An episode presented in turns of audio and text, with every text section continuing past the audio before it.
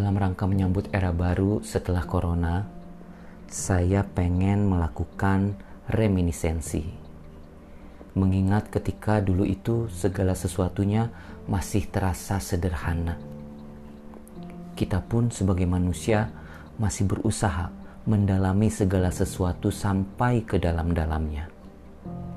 Teman-teman yang segenerasi dengan saya pasti masih ingat ketika dulu kita belajar pengenalan IT, menghitung berapa kilobyte dalam satu megabyte, berapa megabyte dalam satu gigabyte.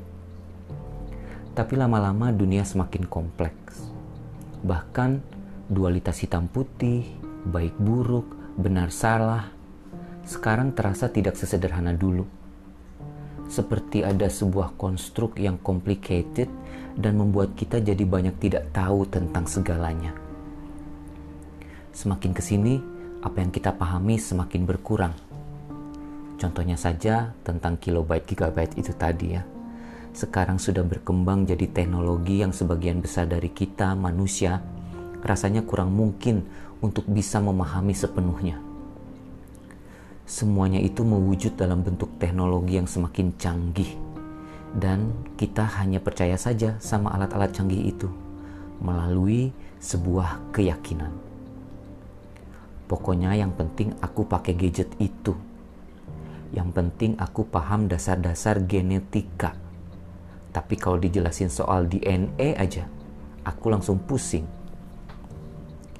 Jadi sekarang ini kita dikelilingi oleh begitu banyak bentukan kompleks yang kita tidak mengerti cara kerja di dalamnya tapi kita memasukkan input ke dalam konstruk itu dan mempercayai saja output hasil kerja sistem di dalamnya.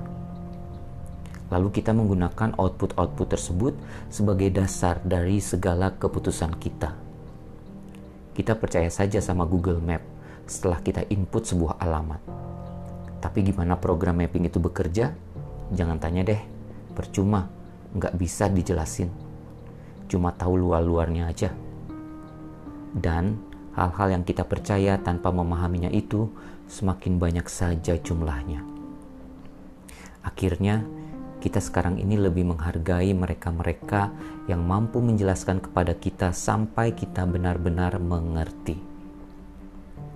Kalau saya jadi ngerasa lebih humble sih gara-gara itu saya juga jadi perlu cari cara untuk bisa menjelaskan sesuatu lebih simpel lagi. Lewat visual misalnya, atau lewat keterlibatan emosional. Dan mengurangi berargumen dengan orang lain. Itulah sedikit sharing dari saya di episode kali ini. Semoga bisa menjadi renungan buat teman-teman.